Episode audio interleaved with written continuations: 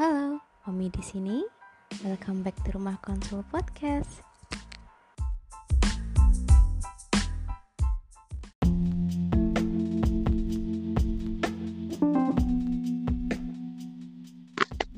Halo. Halo. Halo Bu Zila. Halo Bu Kita sifat, Santai, kita sifatnya ngobrol biasa aja sih nggak apa-apa. Santai. santai kayak di pantai. Oke. Santai kayak di pantai. ya seperti yang tadi saya kenalkan ya sahabat Tommy, Muna Zila ini adalah salah satu psikolog di eh, KPAI dan beliau juga sekarang nih karena udah di KPAI mungkin concernnya lebih ke kayak isu-isu anak gitu ya. Beliau banget ya. Zil beliau ini eh, Zila di Semarang atau di Jakarta kamu kena lockdown nggak Kena lockdown. Eh, sekarang sih lagi ada di Semarang. Jadi sejak awal ada apa surat edaran PSBB itu yang work from home Hmm. itu aku langsung eh, jadi suratnya siangnya malamnya aku langsung cus ke Semarang. Jadi sebelum diberlakukan per 1 April itu aku ada di Semarang sampai sekarang. Gitu. berarti kamu kerja dari rumah terus dari Semarang terus benar-benar WFH. Mhm. Gitu. dan di KPAI memang memberlakukan WFH gitu atau kan ada sebagian perusahaan nih yang kayaknya nggak berlaku WFH gitu Iya, jadi kalau yang nggak memperlakukan WFH itu kan setauku ya salah duanya itu kesehatan sama tentang pangan gitu. Nah kalau semuanya kayak pelayanan masyarakat itu memang eh, memang dibatasin. Jadi memang kita alihin semua tuh kayak pengaduannya, terus terima tamu dan lain sebagainya kita batasin. Pengaduannya juga biasanya ada online sama ada langsung kita alihin semuanya ke online gitu jadi tetap terima cuma oh, mungkin gitu. kayak ya beradaptasi dengan sistem baru meskipun pasti ada bedanya ya kalau semuanya langsung kan biasanya mungkin agak sedikit Mm-mm. apa ya lebih cepat dibandingkan online meskipun kalau online tetap tetap akan kita tindak lanjuti gitu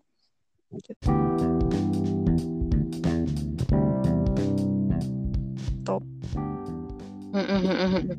Oke, terus kalau eh, selama di KPAI sendiri sebenarnya tuh aktivitas perang psikolog ngapain aja sih Sebenarnya kalau jadi kalau yang peran psikolognya sendiri, jadi di sana psikolognya ada dua. Jadi eh, sekarang kayak posisiku ini sebenarnya selain jadi psikolog, itu juga jadi bagian analis pengaduan masyarakat.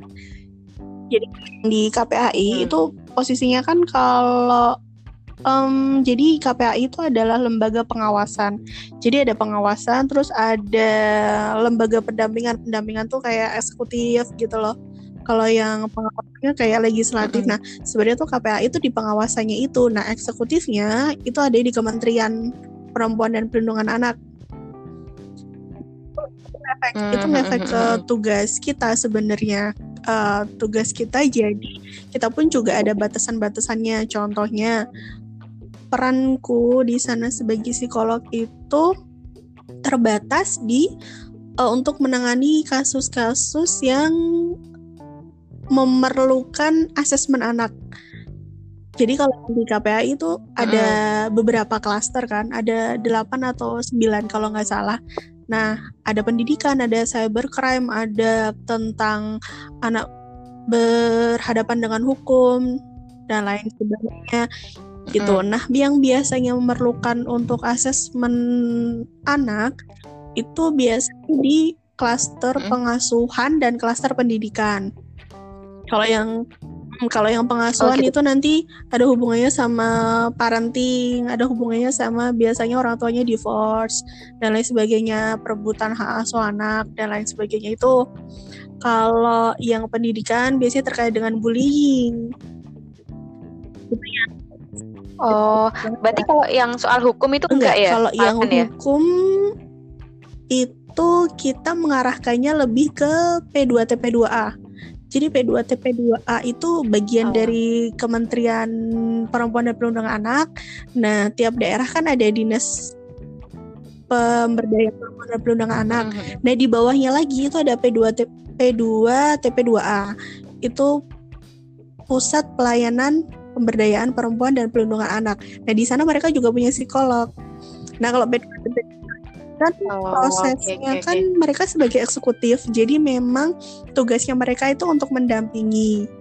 Nah KPI itu ketika Mhm. nanti P2 TP2A ini nggak jalan atau setelah ke P2 TP2A atau anak yang ABH ini contohnya ke kantor polisi, tapi ternyata setelah beberapa hari atau sudah berbulan-bulan ternyata kasusnya nggak ditindaklanjuti.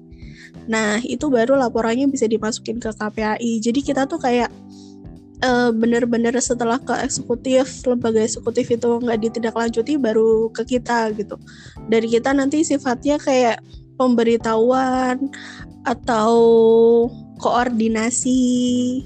Kayak contohnya kasusnya kok nggak ditangan-tangani sama polisi ya, kita berarti nanti nyuratin ke pihak kepolisiannya, mohon kasus ini segera dilanjutin gitu. Jadi kayak Ditindaklanjuti. istilahnya kayak teguran gitu semacam itu gitu. Kalau yang kalau yang as psychologist itu tadi jadi memang asesmen aja. Jadi memang nggak nyampe nggak nyampe sampai ke intervensi.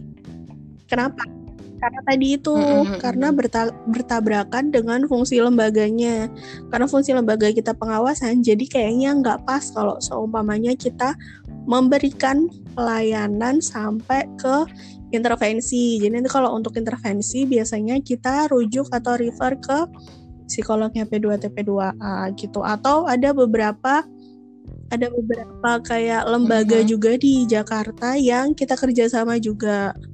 Jadi kalau uh, kalau pernah Oh. dengar itu ada yayasan pulih atau ada uh, rumah singgah atau dan lain sebagainya itu jadi Mhm. beberapa rujukan kita Mhm. gitu baik yang itu uh, swasta atau yang punyanya pemerintah.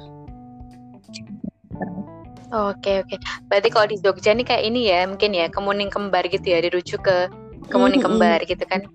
Itu kan biasanya nangani ke anak juga. Concernnya kan lebih ke Iya dan Ke itu kan anak ya? nggak punyanya pemerintah ya maksudnya itu kan kayak benar-benar punyanya pribadi kan ya. Heeh. Gitu, pribadi. Betul.